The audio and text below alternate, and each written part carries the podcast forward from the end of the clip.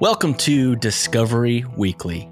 It's the bonus show from the podcast Discovery Show where we talk about all of the other things we've discovered throughout the week.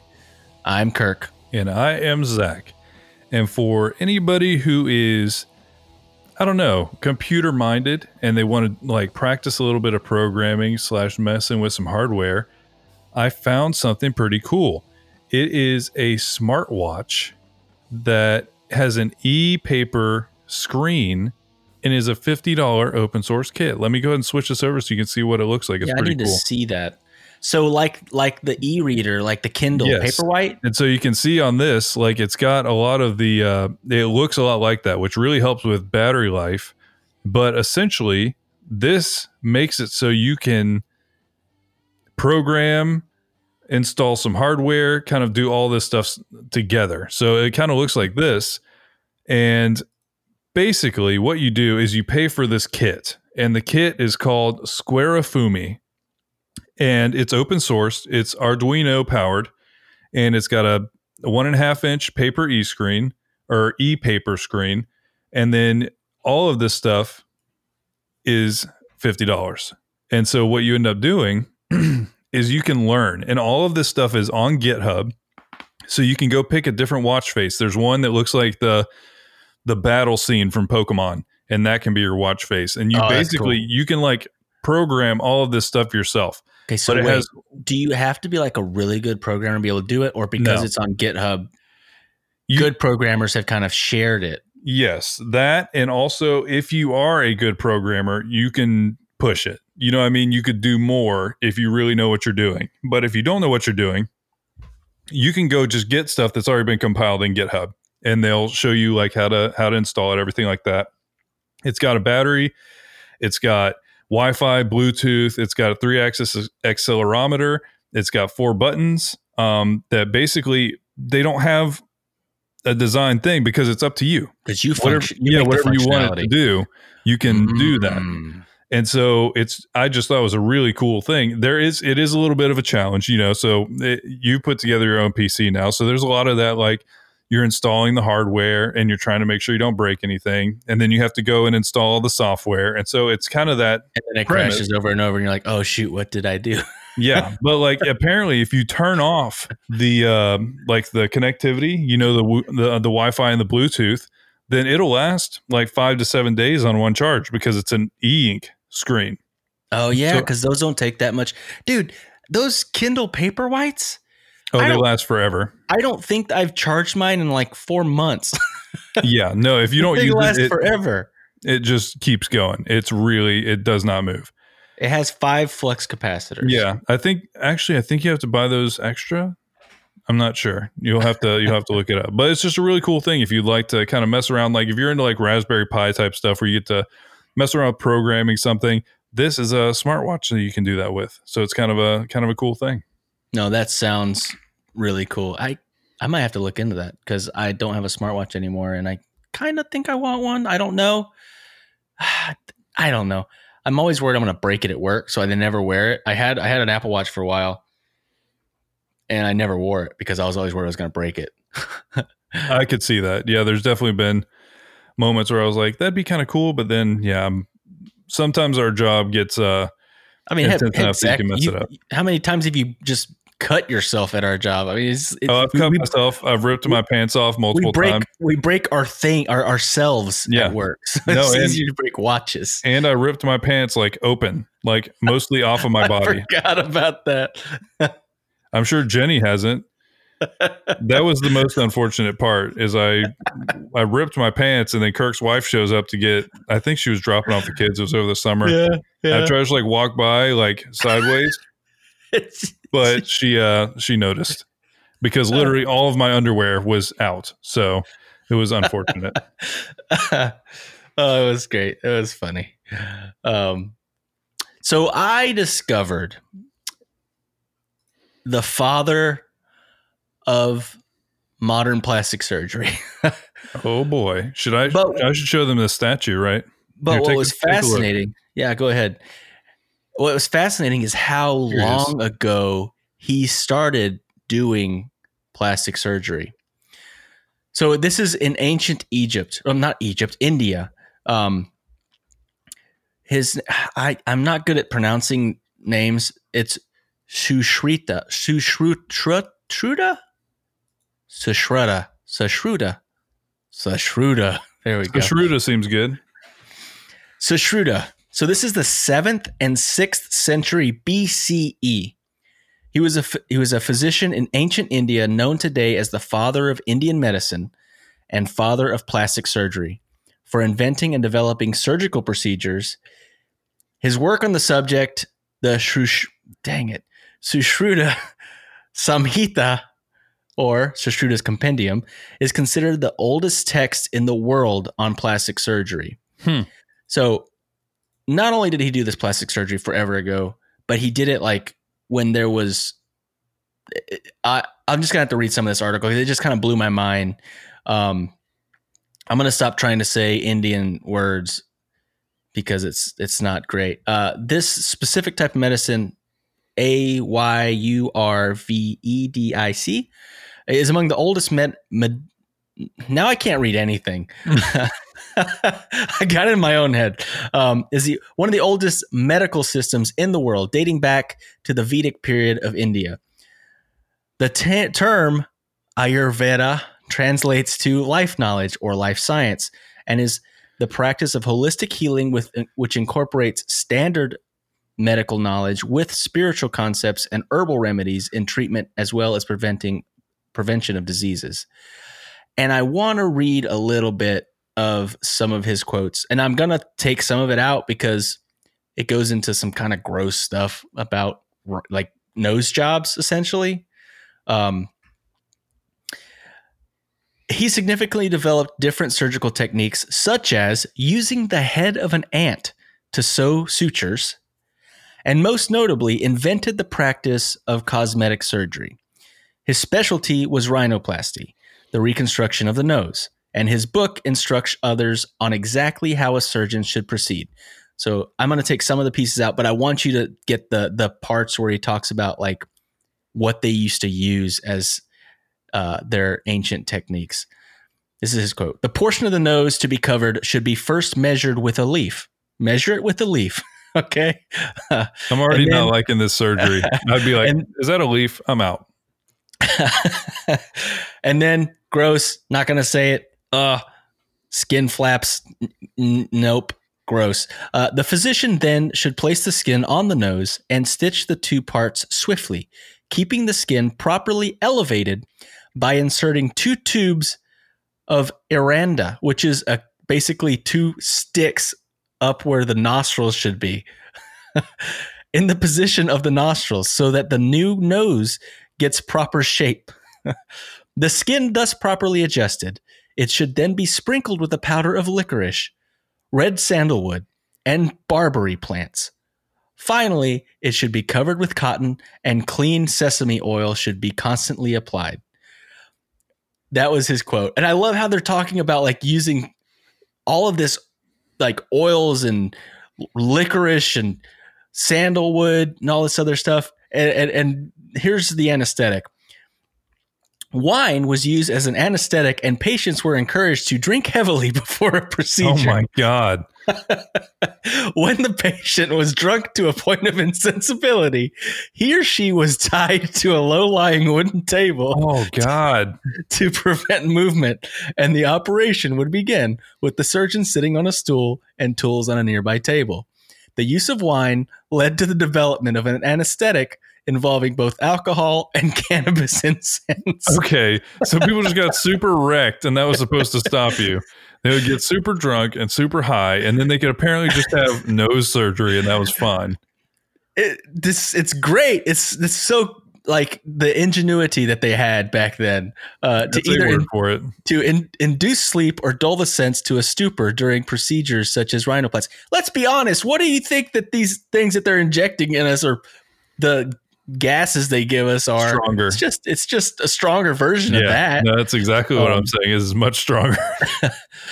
But I I want to kind of circle back around to like the seriousness of it because it wasn't like he wasn't doing rhinoplasties for you know rich like Indian women that wanted better noses. It was actually in response to to a really serious thing back then. Says rhinoplasty was an especially important development in India because of the long-lasting tradition of rhinotomy, which is the amputation of the nose, What? which was a form of punishment. So like convicted criminals would often have their noses amputated to mark them as untrustworthy. But the thing that's really messed up is it was frequently done to women that were accused of adultery and a lot of times without any like proof of it. Oh, So like they would witch literally- trial start like style. Where Yep, just this witch trial because they're a woman. Yep. So they would literally cut their noses off.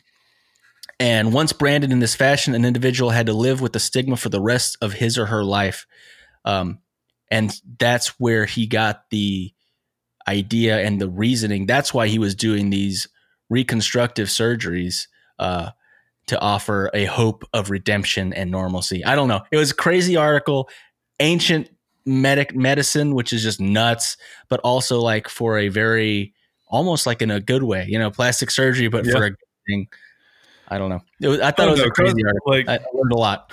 cosmetic surgery has always had a, a side to it that's not like elective. You know what I mean? Because burn burn victims, uh, cancer survivors, there's a lot of Mhm. people who need like corrective surgery, not like elective surgery. So it's not one of those things where it's always had just kind of that stigma. And no, but it is crazy that he was figuring out how to do this that long ago and was eh, in any way successful. And they're just smoking weed and drinking just like hey just go get really messed up this this is gonna hurt like we're gonna tie you to the table but you need to be really messed up when we do that It's like is, I'm hoping that happens like in the waiting room or something. Because if you've got cannabis incense while the guy is doing the surgery, I mean, maybe it helps them he'll be really chill. Uh, so he'll you have a steady hand.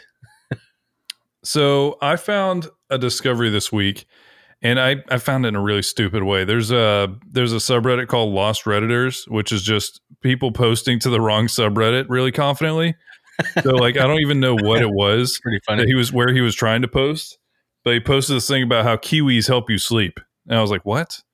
And so I looked this up and I found not just kiwis, but nine great foods and drinks that will help you fall asleep at night. And we all need that sometimes. Number one, almonds. They're good for a lot of different reasons. They have a lot of good stuff in there. Um, they have a lot of nutrients and everything like that. They don't have essentially they think that a lot of these things they help produce melatonin which helps you relax you know is basically Mhm. what it comes down to and so they that does that that stuff then- works. I yeah mean, and, I mean, it's, turkey it's natural occurring. You know, Yeah. we we that's what makes us sleepy at night. yeah and then uh turkey obvious one every every year at thanksgiving everyone knows this but The it has the tryptophan in it which increases production of melatonin um then you have chamomile tea so same type of thing it's got tons of antioxidants it's really good for you in a 2011 study if you consumed um 270 milligrams of chamo- chamomile extract twice daily they fell asleep 15 minutes faster and experienced less nighttime awakening compared to those who didn't consume it. And then it comes. So to is is that is is chamomile supposed to help you sleep better or get sleepy? I've all I've never both? okay. Yeah, Hmm. they they say that it's it's good for you in general. I think a lot of teas there's not really an upper limit. Like drink tea it's good for you in a lot of different ways. It has antioxidants. It has a bunch of chemicals in it that are good for you, like phytochemicals. Mhm. Um, but this one, they say chamomile, it promotes sleepiness and it will improve your sleep quality. Nice. And then there's kiwis. And this is the one they brought me here, but I was like, what's happening? But it's true, at least to some level. Um, it has tons of vitamins in it, you know, vitamin K, vitamin C, um, folate, potassium, and in, it, it helps benefit your digestive health. It reduces inflammation and lowers your cholesterol. It's basically great. But kiwis are rich in serotonin and antioxidants, both of which may Hmm. improve sleep quality when eaten before bed. So just keep some kiwis by your bed, and you can uh you can go to sleep well. I'll I'll, I'll go through the last you one like quick. kiwis? I love kiwis. I think do it tastes too. great. Dude, I found a kiwi the other day that I'd never seen this variety. I think they sell them like everywhere now, but I think they're called like golden something kiwis, and they're they're more firm when they're ripe, so they're not like as squishy. Like when you like the old Oh yeah, regular kiwis, if they're firm, they don't taste good. These that you can eat them when they're firm, but they but they have more of a tart sweetness. Oh my god, it's the best kiwi ever. Because I've always liked kiwi, but this one was like a next level. I'm gonna have to bring some in so you guys can try them. yeah. I They're mean, I really like kiwis. Okay, I'll go through the last ones fast. Uh, tart cherry juice contains sleep promoting hormone melatonin and may help induce a good night's sleep. Fatty fish. So keep a can of tuna by your bed because it's a great source of vitamin D and omega 3 fatty acids, which have sleep quality improving elements. Walnuts, also, they have melatonin, they have healthy fats, same type of thing. So basically, I'm seeing a lot from this that essentially eating a well balanced diet and having all the vitamins and minerals you need helps you sleep better. So maybe Hmm. that's a, maybe that's a takeaway: is eat well. Um, passion flower tea. So this one's all crazy. Uh, it has a apigenin and the the ability to increase gamma amni, aminobutyric acid production, and this may influence sleep. Number nine, white rice, because it's high on the glycemic index and it'll make you go to sleep because you're full on rice. So is that why we get so sleepy after we go eat Korean food? Yes, That's just and probably it might have to do with the The quantity amount- of Korean food. yeah, the amount of food that we eat. When we, Yes. Yeah.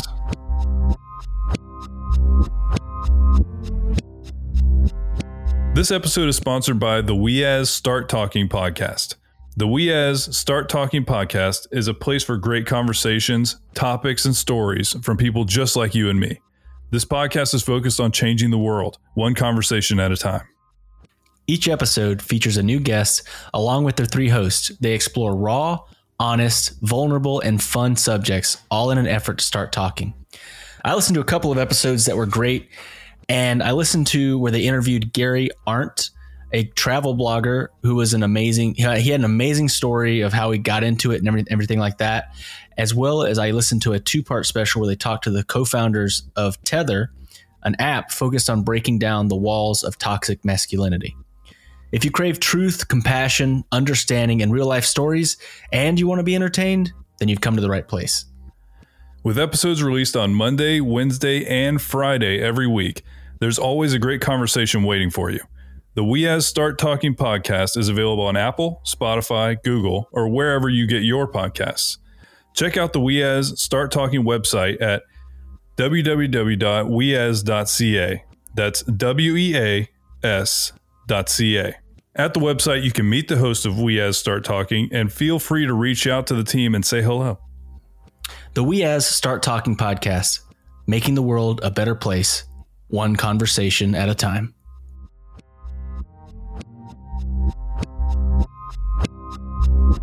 All right, so you were just talking about sleepy foods a little bit ago, and I found an article about sleepwalking. And I don't know if you guys know very much about Mike Birbiglia. I don't know all that much. I've listened to some of his comedy. I think Mhm. it's the guy's funny. The guy Yeah. is very, of course, he's a, he's a comedian, but he's a good one. Uh, it's he's he's got that self-deprecating, really funny humor. Um, but they did an in, Rolling Stones did an interview on him in twenty. It was it was like mid 2000s like 2012 something like that um and he was coming out with a new stand-up routine or stand-up special. And this was the question and the thing is it's it's uh, this is a short discovery but it just kind of blew my mind. He has really really bad sleepwalking that he does and uh this is the question at the climax of sleep with me or sleepwalk with me which is the name of his special which you directed and starred in your character jumps through the second story window of a la quinta inn while he's asleep something that you actually did in real life because you suffer from REM behavior disorder. Do you really go to bed now with mittens and a sleeping bag to restrain yourself? so? Yes, he does. He says, My sleeping bag is in my suitcase because I just got back from a trip. the mittens are here too. but I don't use them all the time because they feel restrictive and warm and not comfy. but he has to literally like tie himself into a sleeping bag when he goes anywhere because he literally, while sleepwalking, jumped out of a second story window at a La Quinta because he was dreaming that there was missiles about to hit the building. And that is why they lock the windows at hotels. so this is and um there was one more question in regards to it. It says, Your bedroom is on the second floor of this building. Isn't that dangerous? and his answer was, We just moved in a couple weeks ago and we ordered shutters for our windows, which are essentially a wall when they're closed. They haven't come in yet, so in the meantime, we've put like pillows and furniture in the window frames.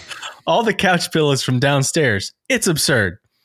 Sometimes when I'm on tour on the wrong floor of a hotel, my wife and I take a couch and tilt it up against the window. If housekeeping comes, they think that we're Johnny Depp or something, like we're on drugs and we trash the room. I think this guy's eating way too many kiwis. Way too many kiwis. way too many kiwis. Uh, are No, you- I just thought it was funny and just this very interesting quirk of Mike Birbiglia. Do you that I did not know about. I do not. I did a few times when I was a kid. I never Um, sleepwalked. I sleep talked and I sleep attacked Jordan. I But other do than that- remember you sleep attacking a friend. Uh, you literally jumped over me onto him uh, and acted like you were gonna beat him up or like he was getting you or something. I don't know. Uh, it was a thing. I don't really remember it. I remember it.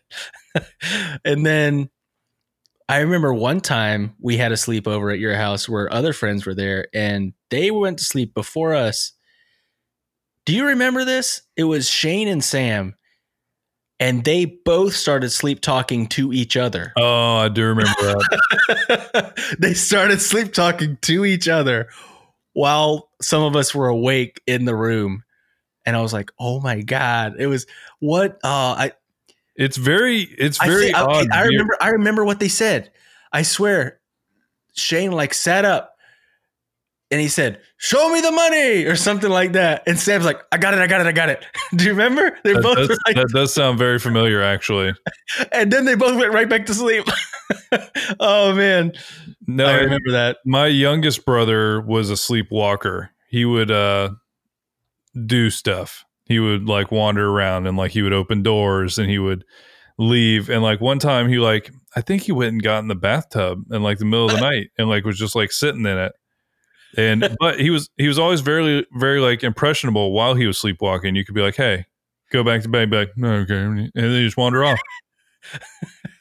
And so it's just it's weird to be around somebody that's sleepwalking. I would sleep talk more than anything though. Yeah, I used to sleepwalk when I was a kid, but um, it wasn't a regular thing. Okay. So I discovered something that is really interesting and it kind of mixes on a couple things I've been researching and I found it.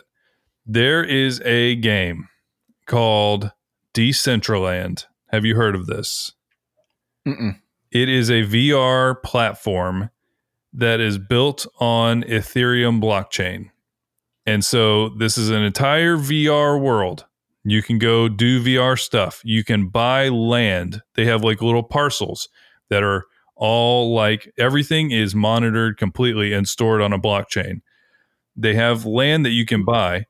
You can go set up whatever you want there. You know, you can build like a little town. You can build like an interactive type game. You can do 3D scenes. You can do whatever you want, really. Um, some of them are like also put into like districts. So there's things that are, it's more like a community based things. Um, but it's all stored on decentralized network and all of the ownership and the the governance is done like it's blockchain like it's a like it's a token the in-game currency is called Mana, and it is tradable on Coinbase or wherever else. It is a literal cryptocurrency that is the currency inside this game. What's it called? It's called Decentraland No, but what's what was the currency? Mana. M A N So like, so like it, the magic Yeah, currency, not currency, but like the magic thing that from most games and stuff. yeah. But essentially, Huh. they tell you get a crypto wallet because it uses Ethereum blockchain to record the ownership of all digital assets and tradable items. Every single thing that you make and sell in that game is for the cryptocurrency. You can, they've done all kinds of crazy stuff about what you can do like with this because okay there was there's artists and what they've done is they've recreated their art digitally but it's just a marketplace. It's like a website for their art. So you can walk around in VR look at a 3D picture but you can buy it with the cryptocurrency. Do you have to have VR to play it? I Or think so. I think it's a VR game.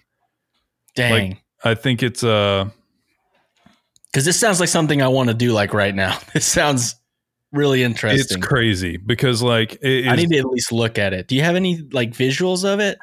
let me see if I can find a visual of the game itself because like that's the thing is like this is all the it's so The dense tech part. that like it's yeah the tech is a huge part of it and I don't know let me see if I can find something here but yeah it essentially ends up being it looks like a VR game you know what I mean it just looks like VR wandering around there's like And it's it's like a cartoony. open world, open world type uh game thing. Uh, yeah, in a sense. I mean, it, it has like some boundaries. It's not like completely open like Eve, you know, it's smaller than like Eve. But here, I'll just show you the Google image things here.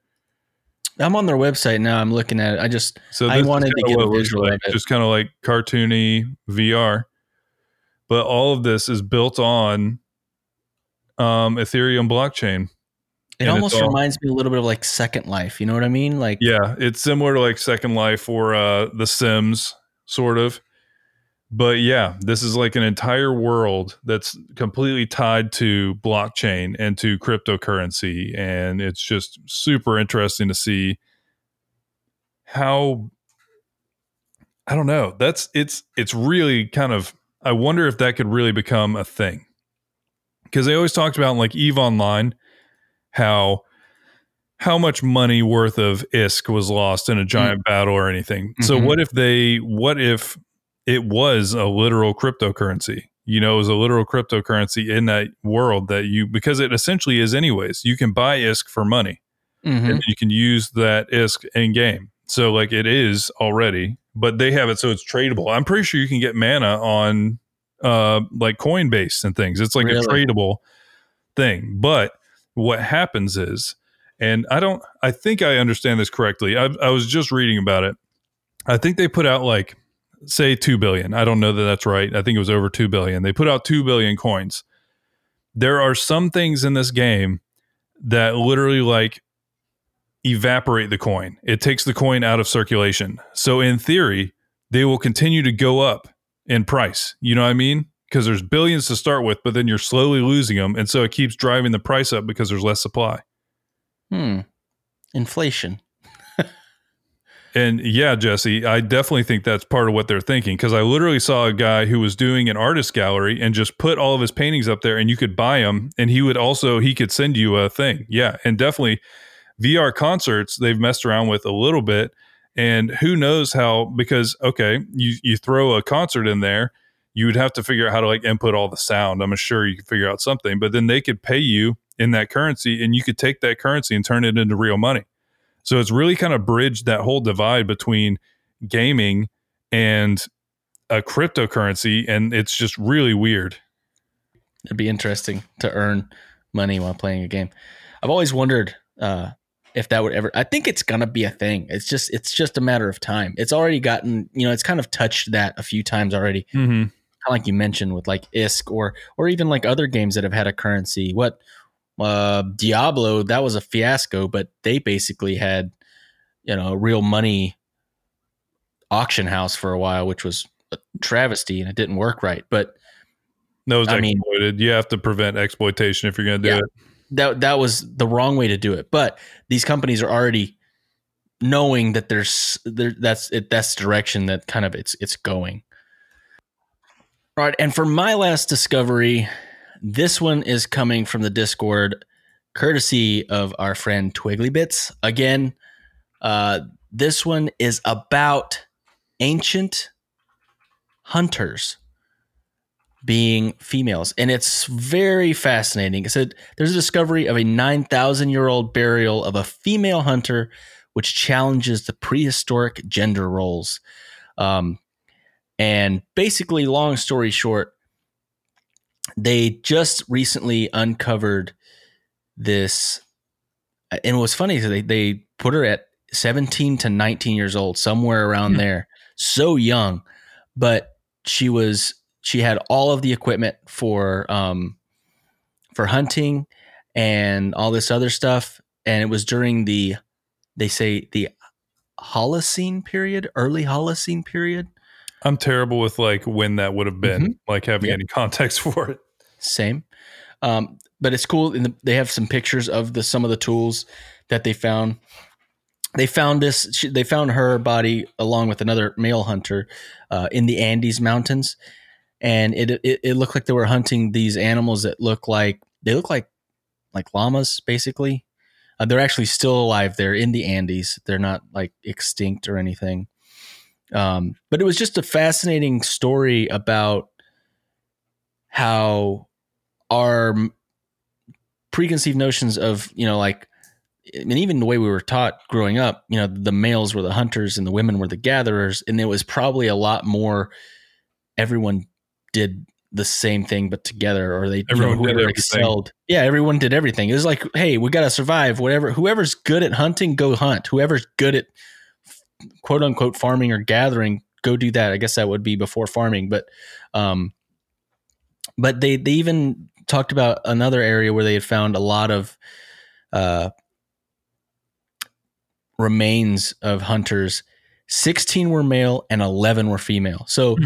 there's a like a, a pretty good portion of the hunters that they had that were female. So i just thought it was a fascinating story and it was a really good share in the the discord. And also if you guys have any discoveries that you find throughout the week join the discord. Follow us on twitter and let us know there or you know join the podcast discovery club on facebook. Basically we've tried to have an area that you might feel comfortable to be in because that's the thing. Some people don't like twitter. Some people hate facebook. Some people only have discord. So we've tried to make this community something that everyone that's accessible to everybody. And we really appreciate it when people share their discoveries with us and we love sharing them uh, with you guys on the podcast. So yeah join one of the groups. We got all of those links in the podcast notes and uh, we'd love to hear what you guys discovered. And that's all i've got this week. Zach you got anything else? Call the Disco Hotline. Disco Our phone number is 813 708 9118. Call the Disco Hotline. Tell us any cool discoveries you've had this week or just say hi. We don't really care. But yeah, thank you so much for listening. Uh, we really appreciate it. We're having a great time starting out this season, and we will talk to you again next week. and remember eat kiwis because it'll make you sleep good